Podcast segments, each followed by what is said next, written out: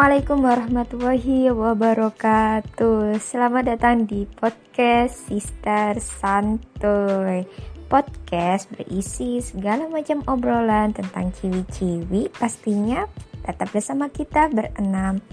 Dan insya Allah hari ini kita akan launching Atau perkenalan nih Bahwa ada yang baru dari Sister Santuy Yaitu ada segmen namanya Preman Talk. Wah, preman talk. Kayak serem gitu ya, kayak preman-preman. Hmm, kayak ada di TV-TV gitu ya. Tapi ternyata tenang-tenang gitu ya. Ternyata maksud dari preman talk ini bukan orang-orang yang horor. Insya Allah kita masih lurus-lurus aja. Bismillah, semoga istiqomah lurusnya.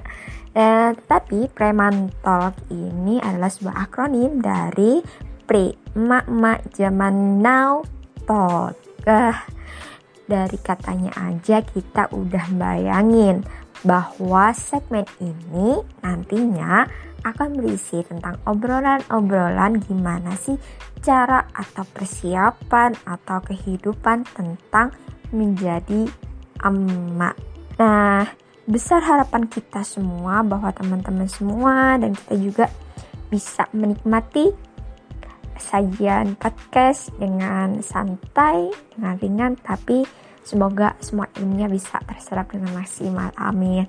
Oke, karena kita masih belum punya pengalaman tentang emak-emak atau peremak-emakan ini, maka kita langsung datangin materi atau narasumber yang insya Allah sudah berpengalaman ya, ya berpengalaman jadi emak dan Insya Allah punya ilmunya juga. Masya Allah. Alhamdulillah nih kita sudah kedatangan narasumber yang sudah kita tunggu-tunggu. Ya, langsung aja kita panggil namanya Mbak Yani. Selamat datang Mbak Yani. Ahlan, thank Masya you Allah. Masya Allah. Iya makasih sudah mau menyempat menyempatkan gitu ya mendatangi podcast kita yang insya Allah masih merintis gitu. Pertama-tama kita mau tanya kabarnya dulu aja ya sama Mbak Yan karena sudah berapa tahun ya? Sekiranya tiga tahun atau empat tahun kita nggak pernah ketemu gitu ya Mbak ya?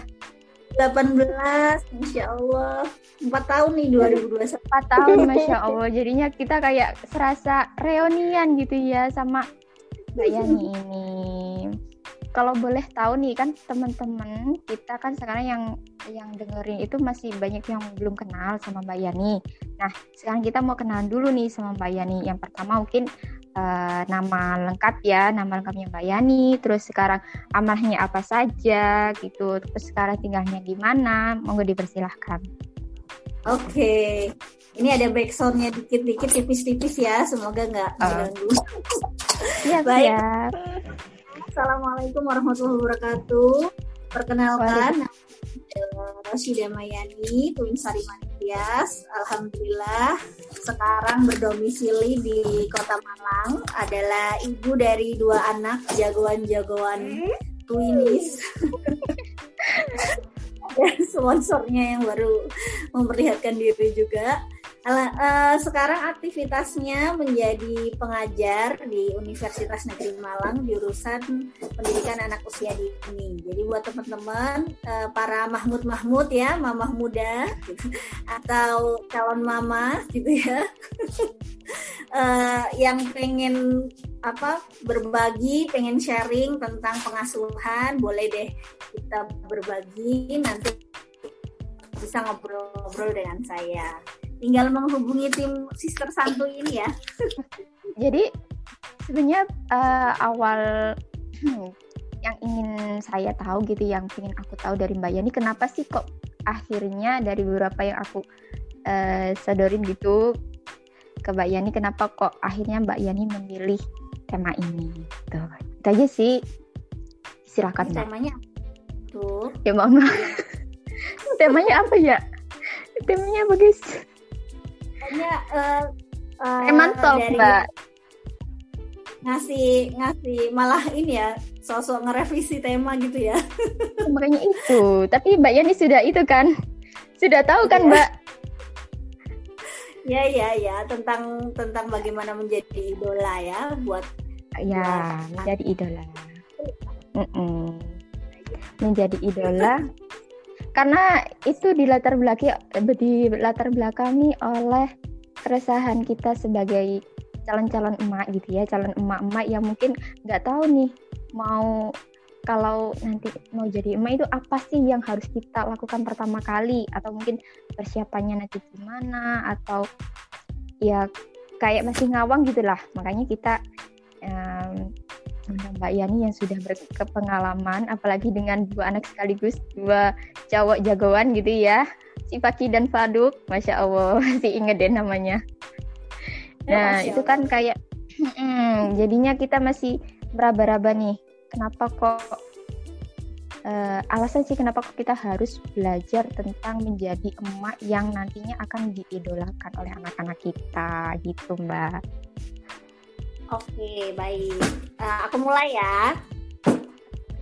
Jadi teman-teman semuanya, uh, menjadi ibu yang diidolakan itu sebenarnya bukan hal yang sulit ya, karena memang uh, setiap anak itu akan secara otomatis menjadikan ibunya itu sebagai role model, sebagai uh, apa namanya? Semacam uh, idola gitu ya. Idola yang nggak akan tergantikan oleh siapa pun. Nggak tahu gimana ceritanya tapi yang pasti yang namanya anak-anak tuh akan sangat uh, ibu itu adalah magnet gitu buat anak-anak.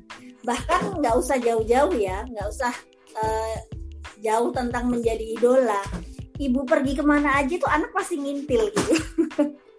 Bahkan ada sampai uh, anekdot atau apa ya semacam curhatan gitu kan dari apa ibu-ibu muda yang jadi jokes kadang beredar di status-status WA begitu bahwa kalau dulu zaman belum nikah uh, bisa bolang ke mana pun gitu ya uh, sampai jauh ke gunung ke pantai gitu dijabanin bisa nggak ada nggak repot gitu. Tapi begitu udah nikah ke Indomaret depan rumah aja gitu ya yang ngintil yang nanyain tuh banyak banget. Gitu. saking uh, ngefansnya seorang ibunya itu namanya kalau dalam bahasa pengasuh adalah teman ya. Ini kenalan dulu nih ada yang lagi ngambek. Kita aja dulu terus apa namanya uh, sehingga justru ini adalah apa ya menjadi wasilah gitu ya, menjadi kesempatan bagi kita untuk bisa memberikan sesuatu pada anak-anak kita. Karena menjadi idola itu udah otomatis. Kita nggak perlu merasa khawatir nanti anak kita jadi nggak suka sama kita atau uh, kita nggak bisa mengurus dengan baik. Itu nggak nggak akan mungkin terjadi gitu ya. Seperti apa pun kita keadaannya nanti, yang namanya anak tuh pasti cintanya sama ibunya jadi ini ya, uh, yang harus diperhatikan justru adalah bagaimana kita memandang itu sebagai kesempatan yang emas, kesempatan yang baik untuk memberikan yang terbaik. Masalahnya ketika kita tidak belajar, teman-teman, bagaimana mempersiapkan diri menjadi ibu, tantangannya ketika menikah itu kayak uh, pernah dengar baby blues kan ya?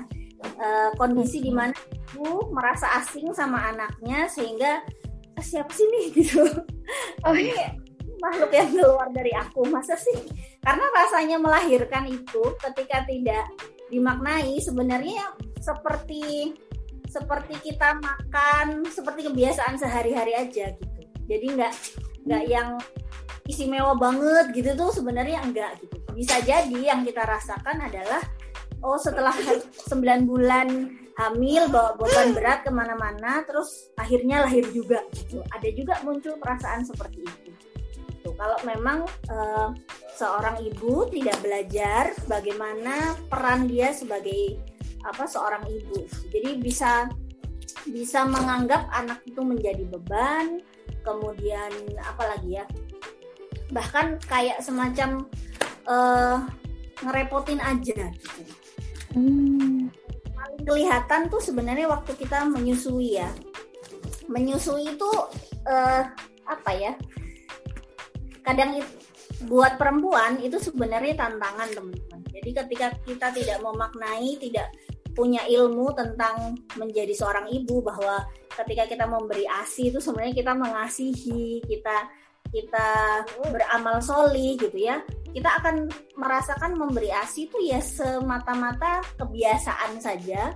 Yang kadang kalau misalnya apa kita nggak berilmu itu kita bisa sebel dengan keadaan itu. Bayangkan kita menyusui kalau saya apalagi kemarin dua ya saya sempat cerita mungkin sama sama apa sama Tutut sama Viko gitu sama Iis.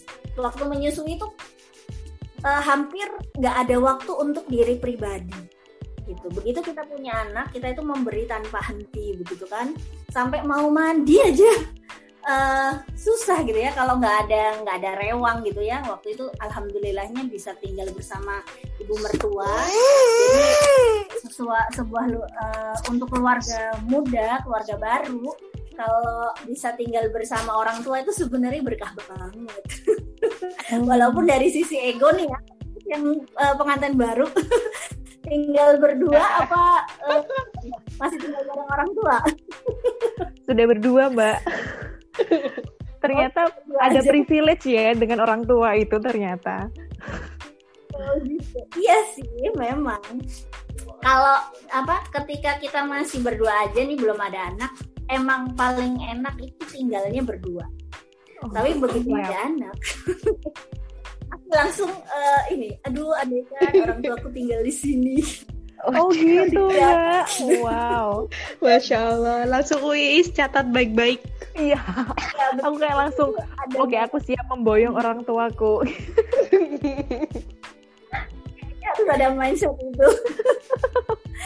uh, sama aja nih yang dulunya di Jember deket sama orang tua ya. Waktu anak-anak bayi deket bareng sama orang tua gak enak banget. Uh, ada temen buat gantian. Karena kalau kadang sama suami kan suami harus bekerja pergi keluar gitu. Begitu apa hmm. tapi kalau ada orang tua kan lumayan ya. Waktunya saya harus mandi saya harus makan. Itu sampai kadang makan tuh harus disuapin loh. Saking hmm. apa waktu tuh cuma dibuat uh, menyusui. Kalau saya kemarin tuh waktu itu cuma dibuat menyusui, sampai nyuci apa segala macam tuh nggak sempat. Mungkin karena dua kan, jadi nyusuin satu, habis itu tidur, habis itu gantian satunya disusuin gitu. Terus satunya selesai, balik lagi lagi, gitu aja terus. Masya Allah, aduh ya. Kece banget. Wow, keren keren. Pengumuman dulu tolong aku kamar mandi gitu. Mbak Yani harus melambaikan tangan dulu berarti ya ke kamera. Itu mas Ada pertolongan.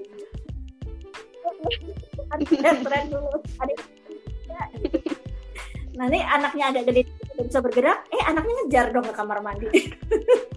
nggak boleh ya, ngelihat emaknya nggak ada bentar gitu.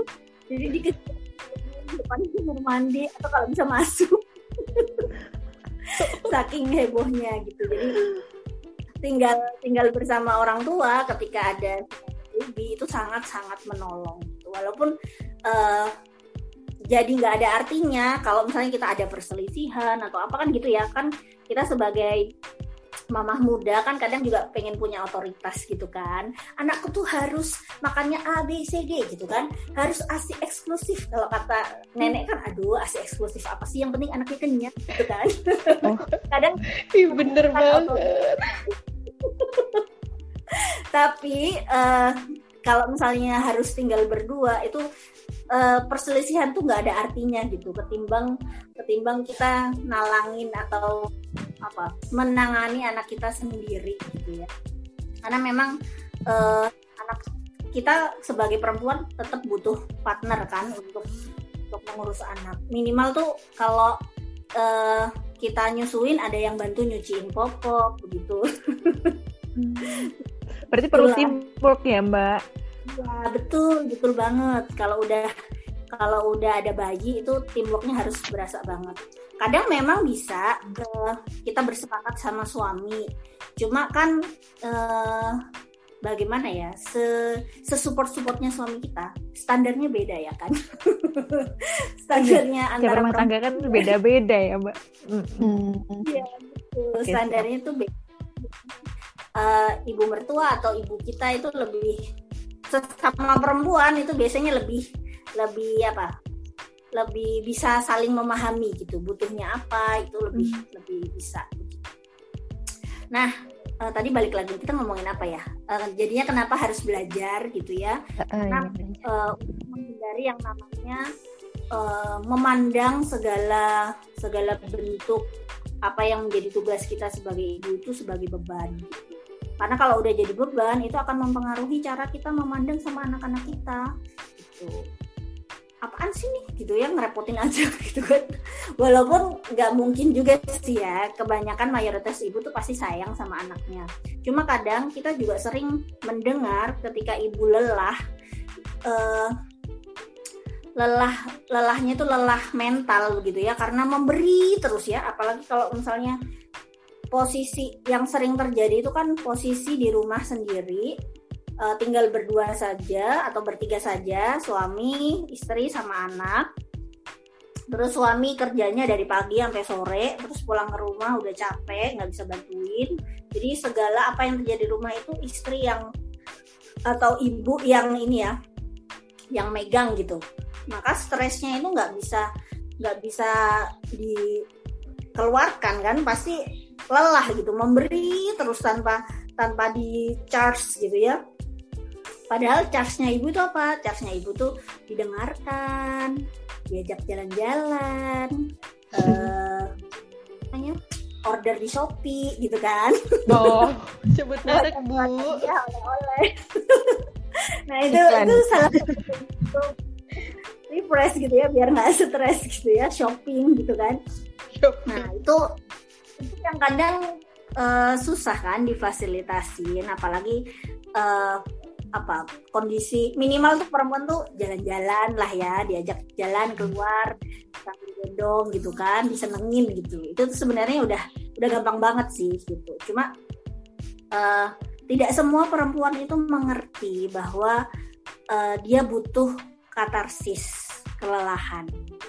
Kadang eh, budaya kita budaya patriarki masih mengedepankan ibu tuh kan ya harus strong buat anaknya harus ada gitu. Kita sebagai perempuan sering sering loh teman-teman eh, dilupakan kebutuhan kebutuhan apa tuh ya personalnya gitu. Kebutuhan personalnya sebagai individu bahwa butuh refresh butuh menyegarkan diri dari stres butuh digantikan dari rutinitas gitu. Nah itu yang eh, kalau misalnya nggak ada iman nggak ada ilmu bahwa ini semua ibadah ya berat berat banget gitu di awal-awal itu. Tapi tentu ngelihat senyum anak itu ya ini ya eh, ada sembuhnya gitu ya. Jadi biasanya habis nangis gitu ya. Kalau kalau lagi nelongso banget. Ini kok ceritanya jadi agak sedih ya. Padahal jadi ibu tuh seneng juga sih.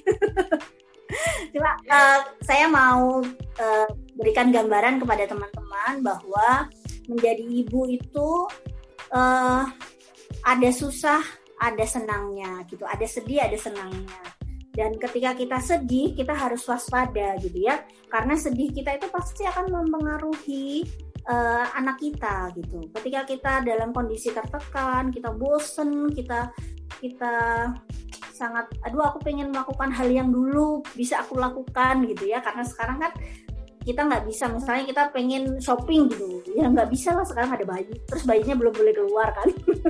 Apalagi lagi corona gitu kan. Harus gimana gitu nah itu tuh sebenarnya yang harus kita pahami adalah bagaimana cara mengelola itu. Karena kita pasti bingung gitu ya. Bingung kita kayak biasa merasa dilema gitu ya. Aku kok merasakan seperti ini sih sebagai ibu? Padahal ya aku sayang sama anakku gitu. Aku seneng kalau ketika dia tersenyum ketika dia ketawa ketika dia guyon gitu. Tapi yang harus kita poinnya adalah adil gitu. Poinnya adil dalam eh, eh, menyiapkan diri kita kemudian memberi ke anak kita maka di titik itu komunikasi dengan suami itu sangat penting memastikan suami kita adalah pribadi yang terbuka, yang siap mendengar, yang siap belajar, yang kalau kita kasih tahu eh, apa ya, memahami gitu ya, mengerti. Aku tuh sebenarnya uh, stres tahu di rumah terus boyo aku diajak jalan-jalan misalnya gitu.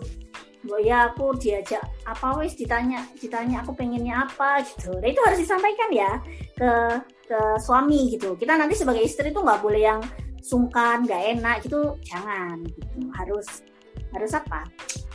Ya suami itu adalah wali kita jadi kita butuh apa apa yang ngomongnya ke suami dan untuk suami itu uh, sangat butuh seorang istri yang menyampaikan. Gitu karena kan tidak semua suami itu peka ya. Gitu. Bahkan secara umum suami itu tidak peka. Ya saya so bagian akhirnya itu ya. Jadi akan sangat terbantu gitu uh, ketika istrinya itu uh, merelakan diri untuk menyampaikan apa yang terjadi, apa yang dirasakan, itu, itu sangat berarti. Cuma biasanya peperangannya perempuan tuh kan ada gengsi-gengsinya. Apalagi kalau lagi ngambek ya. Kalau lagi baik hati, lagi senang mah cerita. Tapi kalau lagi ngambek, kok dia nggak ngerti sih? Aku tuh udah capek sehari. Kenapa dia nggak mau megang anak sih? Aku tuh kan juga butuh uh, eh, WA, ngegosip temanku. gitu. Masya Allah. Semoga membantu ya. Iya, masya Allah. Terima kasih Mbak Yani. Terus adalah sebuah kayak aku menemukan harta karun gitu ya. Banyak sekali uh, sesuatu yang belum aku tahu dan ternyata itu menjadi sesuatu yang penting harus kita tahu sebagai calon emak nantinya. Ternyata menjadi calon emak atau menjadi emak itu nggak semudah yang kita lihat enak ya cuma nyusuin aja nggak ada rasanya kayak gitu ya kan karena belum pernah ngerasain kita nggak tahu apa kenapa apa mungkin uh, sakit atau gimana kan kita nggak tahu. Uh, Masya Allah, terima kasih Mbak Yani. Mungkin dari teman-teman nih kayaknya atau Uti Iis ya yang sedang mendekati atau sudah dalam fase fase penantian. Ya. Itu mungkin ya, ada yang mau ditanyakan.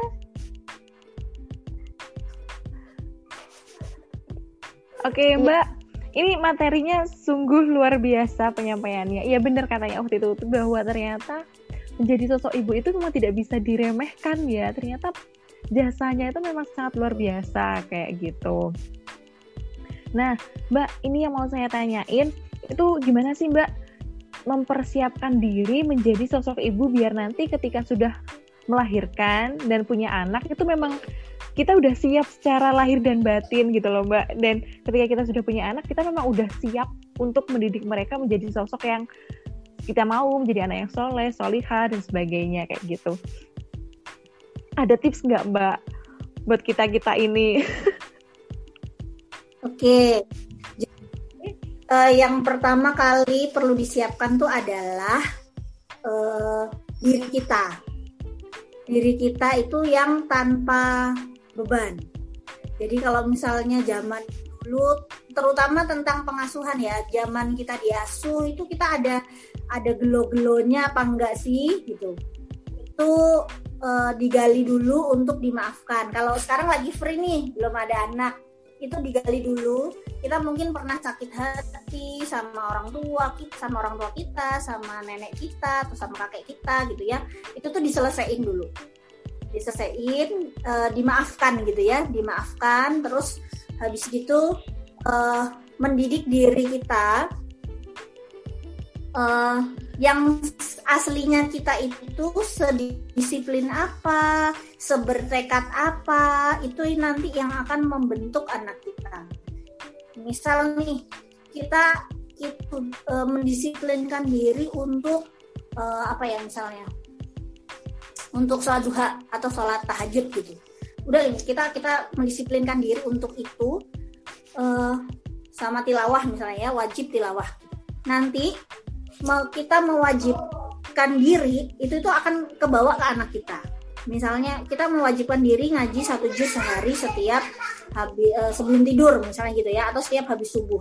Nanti kita dengan sendirinya karena itu sudah terbiasa, udah terinstall dalam diri kita, kita mengkondisikan anak kita itu enak. Oh anakku jam sekian sampai jam sekian tuh harus ada agenda ngaji gitu. Maka apa pun yang terjadi akan kita lakukan. Itu kalau kita sudah uh, kalau kita sudah apa yang menjadi tekad kita itu nanti akan tersalur ke anak kita gitu loh. Lebih ke situ. gitu. Jadi yang pertama kali harus disiapkan memang adalah kualitas diri kita. Sedisiplin apa diri kita sama kita sendiri, se, se apa sekuat apa cita-cita kita untuk keluarga kita itu nanti yang akan mempengaruhi itu semua. Masalah yang masa lalu tadi itu nanti mempengaruhi gaya komunikasi kita ke anak-anak ya. Jadi kalau kalau misalnya kita dulu sempat apa tuh ya sering dimarahin misalnya sampai kita sakit hati gitu ya.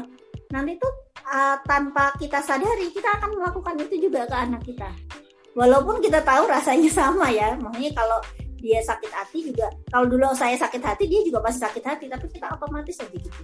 Karena bisa jadi ada yang belum kita relakan gitu ada yang belum kita kita serahkan kepada Allah kita masih kesel banget mengingat itu misalnya gitu ya.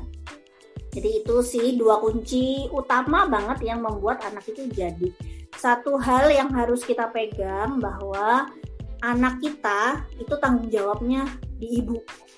Baik enggaknya anak itu tanggung jawabnya di ibu. Walaupun ayah itu juga ikut bertanggung jawab ya atas istilahnya kan ayah kepala sekolah begitu. Tapi sebenarnya yang ngebentuk anak itu paling utama itu ada di ibu. Membangun kebiasaannya membangun karakternya itu ada di ibu. Karena ibu yang bisa masuk yang secara bahasa dia punya kepekaan untuk memahami apa yang dirasain anaknya. Bisa ngerti celahnya anak itu di mana gitu. Bapak bapak kan poinnya itu pada ketegasan terus kebijaksanaan ngajak main gitu-gitu kan kalau kata ilmu pengasuhan Uh, tapi karena bapak uh, daya perhatiannya, daya kepekaannya itu tidak sebagus ibu, maka dia tidak apa ya, uh, secara peran itu strategisnya lebih masih tetap strategisan ibu untuk membentuk seorang anak gitu. Jadi semangat berjuang adik-adikku, teman-temanku. Ini mengingat juga buat saya ya, buat Mbak Yani, Bu uh, lebih disiplin lagi, lebih bervisi lagi untuk anak-anak karena yang namanya visi itu terus diperbaharui. Kadang kita sebagai orang tua tuh godaannya aku lo belum gitu ya. aku tuh masih pengen gitu, masih pengen apa, masih pengen apa. Dulu zaman muda itu aku masih menahan untuk begini begitu gitu. Masa uh, sekarang ditahan lagi gitu istilahnya. Kadang-kadang ada godaan seperti itu. Pengen berpetualang sekarang sudah ada mahramnya gitu. Tapi ada adab gitu. gitu jadi banyak dilema gitu ya. Dan uh, selalu banyak pertanyaan uh, pas orang tua itu untuk harus memilih gitu. Milih mana kebaikan untuk anak apa uh, ego kita gitu. Kayak misalnya bekerja bekerja ini tantangan tantangan ini ya tantangan banyak orang tua. Ketika orang tua bekerja bagaimana nih posisi anak gitu? Kadang orang tua banyak juga yang memilih ya wes lah untuk urusan anak kuserahkan pada guru. Kalau nggak guru sekolah ya guru les gitu. Anakku apa pinter enggaknya sama kata guru les gitu. Aku tak sibuk mencarikan uang buat bayar guru les itu gitu. Ya bagaimanapun itu pilihan sih gitu ya. Uh, tapi itu juga ego gitu. Ego orang tua. Kemarin Mbak Yani di kuliah bareng Bu Eli Risman ya itu dapat dapat ya dimarahin habis-habisan lah kurang lebih ya dimarahin dalam tanda kutip gitu ya. Bahwa uh, ketika kita menjadi orang tua itu kita ditanya sebenarnya uh, main course kita itu siapa? Diri kita sendiri anak kita atau apa yang lain gitu. Nah itu seorang orang tua harus menjawab gitu dan itu jawabannya itu yang akan menunjukkan egonya lebih banyak ke mana ke anak apa ke diri sendiri gitu. Nah itu caranya ya harus harus itu ya ya ngalah itu sih sebenarnya jawabannya tapi kan ngalah itu nggak selalu mudah ya.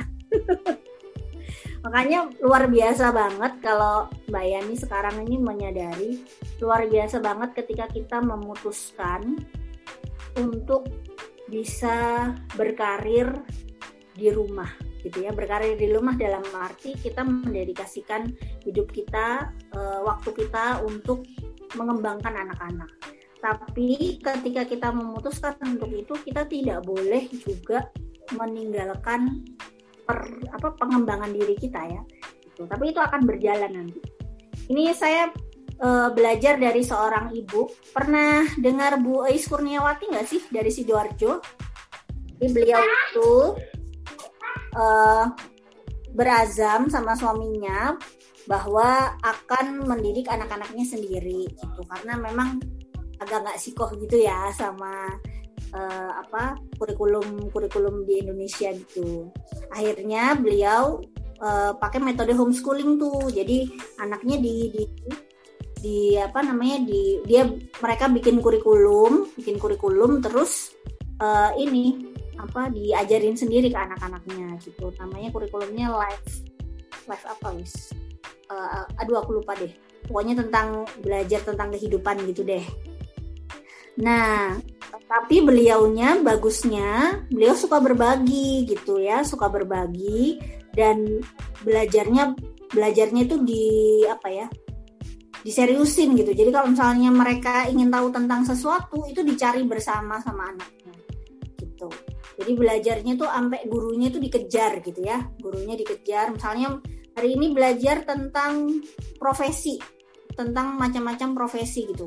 Maka dia akan ngajak anaknya pergi pergi ke profesi yang mau dipelajari. Tanya gitu melihat apa yang mereka lakukan gitu-gitu.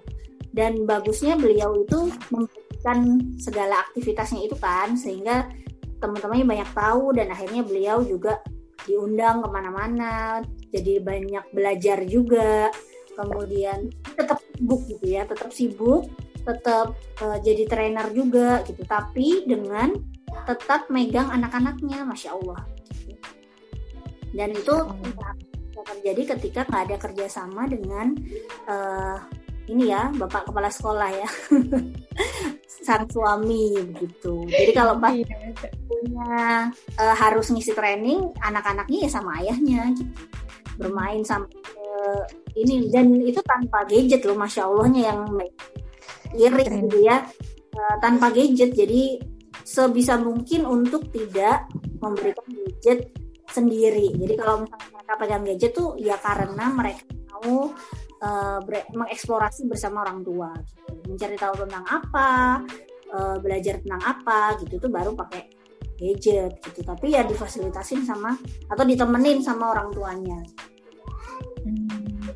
contoh ketika bagaimana memanajemen pendidikan di rumah dengan tetap mengembangkan diri gitu ya. Jadi bukan berarti ketika kita mendedikasikan diri kita untuk pendidikan anak uh, kita jadi ibu yang memfasilitasi anak luar biasa terus kitanya nggak berkembang nggak boleh gitu ya. Kitanya juga harus berkembang. Kita mau ikut pelatihan apa ikutin. Kita mau bahkan kita mau berbagi apa gitu ya berbagi aja gitu. Tinggal bagaimana uh, kita membentuk sistem sama tim kita tim kerja kita yaitu keluarga gitu. Dan masya Allah uh, sekarang akhirnya PKBM-nya atau homeschoolingnya diperluas ya akhirnya jadi lembaga. Lembaganya namanya Azanaya uh, Azanaya homeschooling. Karena banyak orang tua yang tertarik sama kurikulumnya Bu Ois ini gitu. Itulah Masya Allah yang penting bagaimana kita memaknai jadi kita semangat untuk uh, mengerjakannya. Bagaimana caranya maknai ya belajar gitu ya. Kalau kita nggak belajar kita nggak akan tahu gitu. Nggak akan nggak akan ngerti ini sebenarnya artinya apa sih dari Allah gitu. Kenapa sih jadi ibu tuh kok berat banget? Harus bangun malam harus masak pagi. Pagi atau harus masak pagi harus apa oke. Harus apa namanya? Korban gitu ya. Uh, dengerin anak-anak cerita gitu kan. Menyiapkan semua kebutuhan gitu. Padahal kebutuhan aku nggak ada yang nanya. Aduh. Sedih sekali. Kode ya. sama sebelah ya mbak. Ya kalau saya suka ini aku nggak ada yang ditanya nih gitu oh gitu iya kan kelihatan peka Oh kan tadi gini harus menyampaikan ya kan? Eh, biar peka gitu. Harus sabar juga karena semuanya berproses, semuanya belajar gitu. Baik kita sebagai ibu jangan jangan ini ya, jangan takut salah. Kadang kita kebanyakan ilmu terus jadinya takut salah terus jadinya nggak ngapa-ngapain kan. Wah, Jadi- bahaya itu. Jangankan jangan hanya karena kita merasa aduh aku belum ngerti terus kita nggak ngapa-ngapain gitu ya. Jadi eh, lakukan aja, coba aja. Kalaupun salah nanti minta maaf. gitu. Ya dalam keluarga yang harus pertama kali kompetensi pertama kali yang harus kelar gitu ya.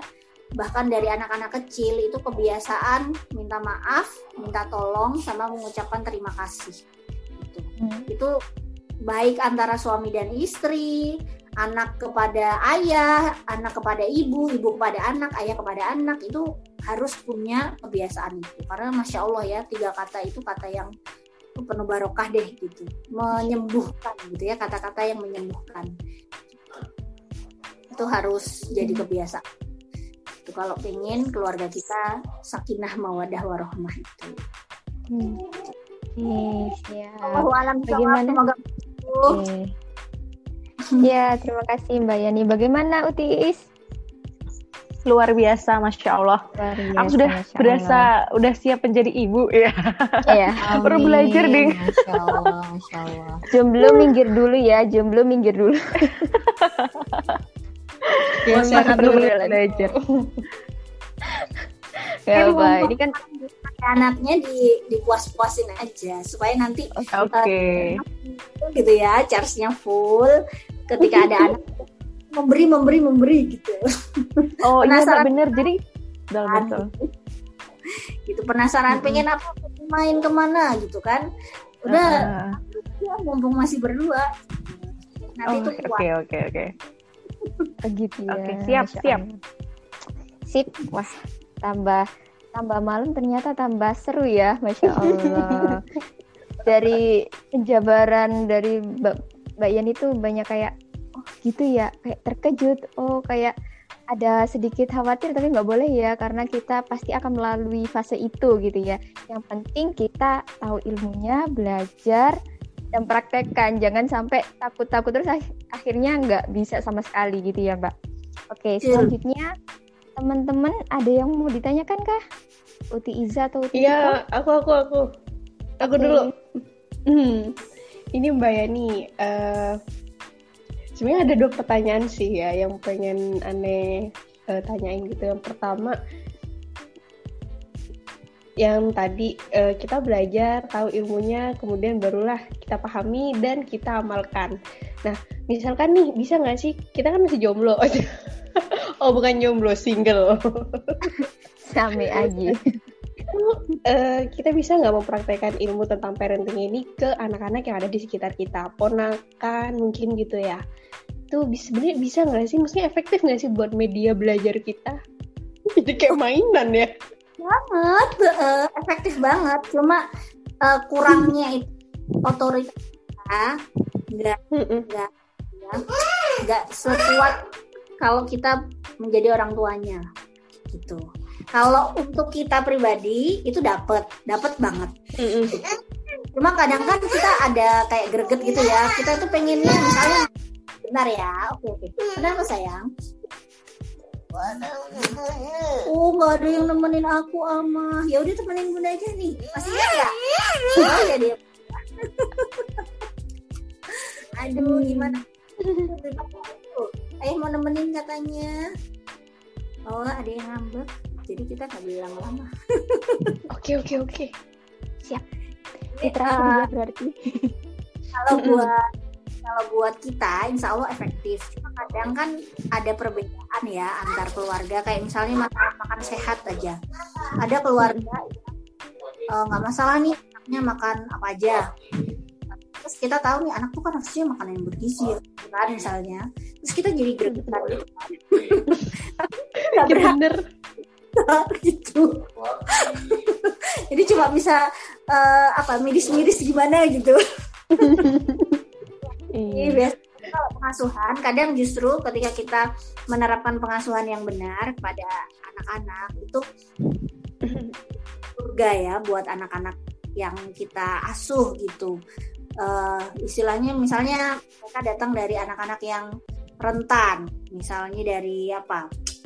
Anak-anak uh, yang tinggal di daerah-daerah yang apalah istilahnya kalau dalam bahasa psikologi itu istilahnya daerah rentan. Daerah rentan tuh yang secara edukasi itu kita nggak bisa jamin gitu. Ada banyak orang di sana latar belakang heterogen banget. Di situ uh, mereka bisa kenal sama orang yang acuh bisa ada yang baik ada yang acuh ada yang jahat gitu. Itu ada lingkungan rentan kan buat anak. Jadi ketika kemudian uh, kita bisa memberikan asuhan yang benar kepada kita itu tuh justru menjadi surga buat anak-anak dan kita bisa tahu nih kalau buat kita kita jadi tahu celahnya kayak misalnya ilmu parenting yang bilang bahwa apa ya Eh, anak-anak tuh sebaiknya harus diberi kesempatan untuk mengeksplorasi dirinya, untuk um, mengeluarkan ide-idenya. Ketika kita menerapkan itu, kita akan jadi tahu celahnya.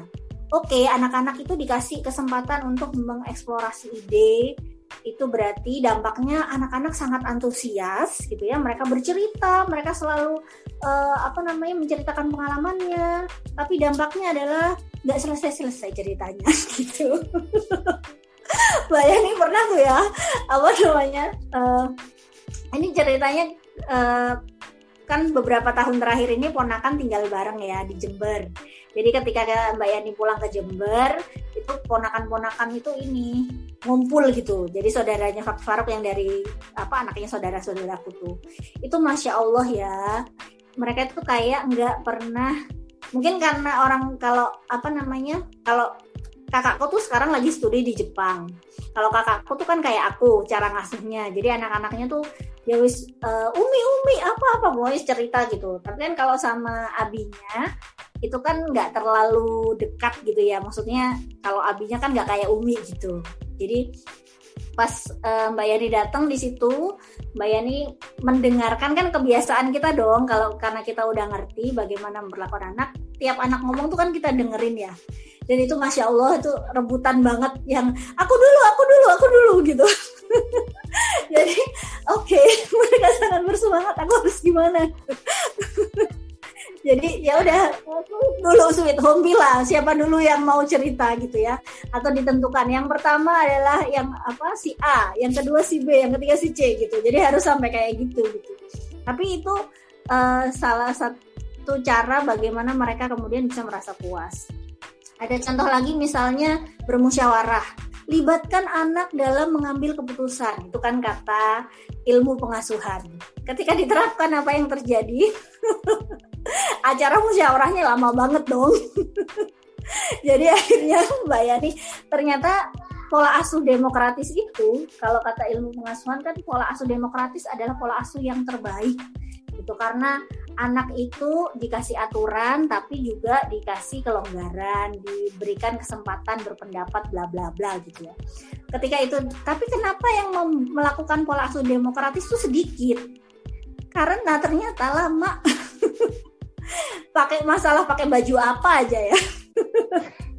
Apa pertimbangannya itu banyak banget gitu ya. Jadi nggak kelar kelar gitu. Makanya ada titik-titik tertentu yang akhirnya oke okay, kebanyakan orang tua nggak sabar. Akhirnya mereka mengambil jalan otoriter gitu. Ya udah nurut aja apa kata mama gitu apa kata bunda gitu. Kelamaan kalau kamu yang milih misalnya gitu ya Nah, itu itu sela-sela yang akan kita tahu ketika kita turun lapangan kan. Itu ketika kita menghadapi langsung anak-anak. Gitu.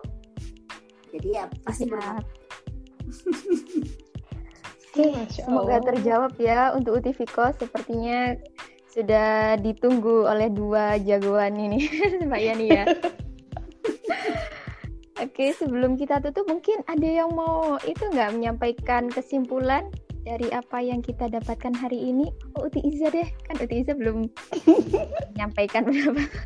Saya berikan waktu dan tempat khusus untuk Iza Uti Iza. Masya Allah, Alhamdulillah. Terima kasih loh atas kesempatannya yang uh, luar biasa surprise ini ya. Jadi sebelumnya terima kasih banyak Mbak Yani walaupun pertemuan kita tidak banyak. Bahkan ini mungkin jadi pertemuan pertama. Tapi masya Allah ya uh, dengan topik pembahasan yang menjadi uh, kepedulian kita bersama dan pastinya kebutuhan kita bersama di sini sebagai seorang perempuan yang nantinya akan menjadi seorang ibu.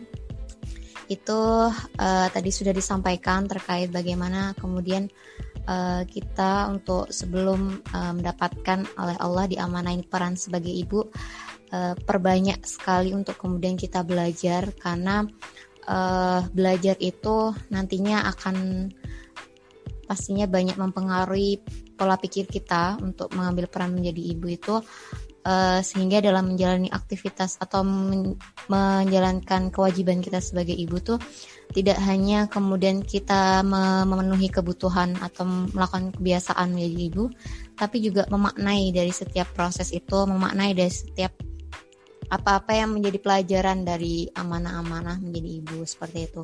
Dan juga pastinya uh, sebelum mendapatkan amanah atau peran sebagai seorang ibu uh, perlu dipersiapkan yang paling penting adalah kualitas diri kita karena uh, untuk kemudian anak bisa meniru atau merindukan sosok seorang bundanya atau ibunya adalah bagaimana kemudian kita seorang yang akan sering dilihat oleh anak kita itu uh, bersikap atau bertindak. Karena apa yang kita lakukan sebagai seorang ibu nantinya itu akan secara tidak langsung direkam oleh anak kita sehingga kita dijadikan olehnya uh, seorang idol atau seorang suri tauladan gitu ya yang karena sering kali bertemu dengannya. Dan pastinya uh, peran itu tidak serta merta kemudian melekat tanpa ada proses uh, yang panjang. Salah satunya tadi sempat ditanyakan oleh Ufikoh terkait apakah efektif untuk kemudian salah satu metode yang dilakukan dalam mempersiapkan diri adalah dengan kita uh, mengambil peran di sebagai seorang misalnya itu tadi apa uh, bibi atau mungkin kalau di saya tuh bule ya. Jadi peran kita sebagai seorang uh, bule atau mungkin bibi bagi keponakan kita itu sedikit banyak bisa memberikan uh, pengalaman namun tetap visi misi dan prinsip di dalam menjalankan sebuah pendidikan uh, kepada anak itu adalah main course-nya gitu adalah dari seorang ibu itu tadi. Masya Allah. Semoga bermanfaat. Ya barakallah Masya Allah, jazakillah khairan Uti Iza atas hmm, kesimpulan yang Masya Allah lengkap sekali gitu ya. Oke, sebelum kita tutup mungkin aku boleh ya ngasih satu kalimat bahwa menjadi semua itu bisa menjadi seorang ibu, tetapi menjadi ibu yang dirindukan itu adalah pilihan dari setiap orang. Asik. Semoga, semoga itu ya. ya quotes of the Masya Allah Masya Allah ya Masya Allah jadi Mas. itu ikut ikutan Master Dedi oh. Menteri Meskipun agak jauh ya. ya Masya Allah Meskipun agak jauh sih levelnya ya, nggak apa-apa belajar. Gak apa-apa. Oke, jazakillah khairan Mbak Yani, Masya Allah. Terima kasih Mbak Yani sudah mampir ke podcast Sister Santuy, Masya Allah. Iya, Masya Allah. Mana Fakih dan Faruk Mbak? Masya Allah sekarang udah gede ya. Babenya. oh. oh iya Mbak, Mbak ini Mbak ini kayak punya komunitas wife ya Mbak? Oh iya, yang kemarin ya, itu. Boleh deh promosiin iya. di sini. Siapa tahu tuh juga bisa bergabung Mbak. Iya, iya Mbak, kan. penting banget Mbak buat kita para pencari ilmu nih. iya ini masih haus akan ilmu pengetahuan. Jadi kemarin tuh kita ini, kemarin Is gabung ya uh, apa kita itu punya project untuk bikin uh, kita bikin perkumpulan itu tapi masih bulan baru ya. Namanya sama-sama dari teman-teman emak-emak arisan. Emak kita peduli sama. Itu pengen bikin apa yuk kita berkontribusi gitu. Akhirnya apa namanya kita bikin ini aja kayak semacam komunitas untuk mempersiapkan adik-adik muslimah gitu. Bikin webinar series yuk gitu. Namanya apa nih? Kita namanya Wife gitu. Wife itu ada kepanjangannya, tapi saking panjangnya jadi lupa ya. Oh masya Allah. Oh, yang kemarin. Ya, oke. Ya bagus kok Mbak, bagus. Wife daripada preman ya Mbak, bagus wife. Iya, ya kayak lebih berakhlak gitu ya kalau wife ya. Iya, lebih santun. Masya Allah. ya udah Lanjut Mbak, lanjut Mbak. webinar series gitu. Webinar series eh, temanya masya Allah sih lumayan menarik. Eh, ya kata yang kata yang karena aku panitianya. Jadi kita kemarin tuh ngebahas tentang eh istri apa tentang fikih ya, fikih wanita tentang istri bukan pembantu tapi juga bukan ratu gitu. Terus adalah tentang apa eh, psikologi tentang psikologi itu ya perbedaan gaya komunikasi, gaya pemikiran antara laki-laki dan perempuan. Terus bicara tentang kesehatan, tentang persiapan apa? persiapan fertilitas sama eh, nutrisi untuk mempersiapkan kehamilan. Terus ada tentang finansial juga, bagaimana eh, kaidah eh, istri yang berkarir, gitu ya. Eh, manajemen persiapan manajemen finansial buat keluarga muda, pers- eh, manajemen bisnis, gitu ya. Tentang bagaimana eh, memulai bisnis untuk apa ya intinya kesiapan finansial lah gitu supaya keluarga muda ini atau kita sebagai keluarga muda atau calon calon pengantin itu punya kesiapan finansial gitu Oke. itu Masya Allah. Keren banget ya. kemarin kita Eh, baru selesai batch nggak tahu nih batch 2 nya belum kita omongin lagi nanti Oke, kalau kita ada tunggu Mbak kabar-kabar. amin amin Ada alamat IG-nya nggak? IG akun IG eh belum untuk eh, belum sih tanyain deh soalnya kan Bikin banyak- dong. Oke, siap. Oh ini mau jadi adminnya Mbak, Jadi mau jadi adminnya Mbak. Roman-romannya mau jadi admin. menawarkan diri Iya. Eh kalau anti yang pengen gak usah mengkambing hitamkan saya dong. Minta tolong. Padahal emang pengen bener. Emang padahal Iya, pengen bener. beneran ya. Jangan-jangan semuanya pengen jadi admin nih. Iya saya, ya saya juga mau sih bergabung kayaknya seru di situ ya. Iya, Masya Allah. Oke, Mbak Yani. Sekarang udah jam 9, kayaknya udah waktunya untuk sama keluarga ya, Mbak Yani ya. Mohon maaf apabila kita mengambil waktu dari Mbak Yani gitu ya, kalau atau mungkin dari kita masih banyak yang perlu diperbaiki gitu ya. Mohon maaf ya, Mbak. So- Soalnya kita masih belajar, apalagi saya juga masih belajar. Nanti mungkin kalau sama ada kesempatan waktu lain mungkin boleh ya kapan-kapan insya Allah silaturahmi lagi. Makasih banget sudah di apa diundang di sini, masya Allah senang banget bisa cerita-cerita lagi. Oke, sama apa makasih banget ya sudah diundang. Mohon maaf kalau eh, banyak kekurangannya, masih sedikit ilmunya. Kalau ada yang nggak pas nggak pas nanti tolong eh, diabaikan aja, dimaafkan. Ya sama-sama yang Mbak, semua Ini semuanya tuh daging. daging, Mbak. Daging Mm-mm. parah, daging parah ini. Ada Terima sumsumnya kasih juga sih. banyak. Iya, Iga- sangat bernutrisi iga malam ada ini iga. ya. Insya Allah. Ini bahas top apa ya? Oke, segera akhiri Oke, yuk, Faruk kita closing. Kasihan Mbak Yani dari tadi ya. Oke Mbak Yani, mohon maaf udah ada salah kata. Kita tutup bersama ya dengan eh, istighfar dan doa kafaratul Ya, itu dia obrolan kita tentang Preman Talk, yaitu Preparation to be Mama Zaman Now. Dan kalau menurut sister semua, obrolan kita ini bermanfaat dan ada kebaikan di dalamnya, boleh banget buat kalian share link podcast kita ke sister-sister yang lainnya juga. Dan semoga itu menjadi amal jariah kalian dan juga amal jariah kita. Oke, see you in the next episode. Assalamualaikum warahmatullahi wabarakatuh.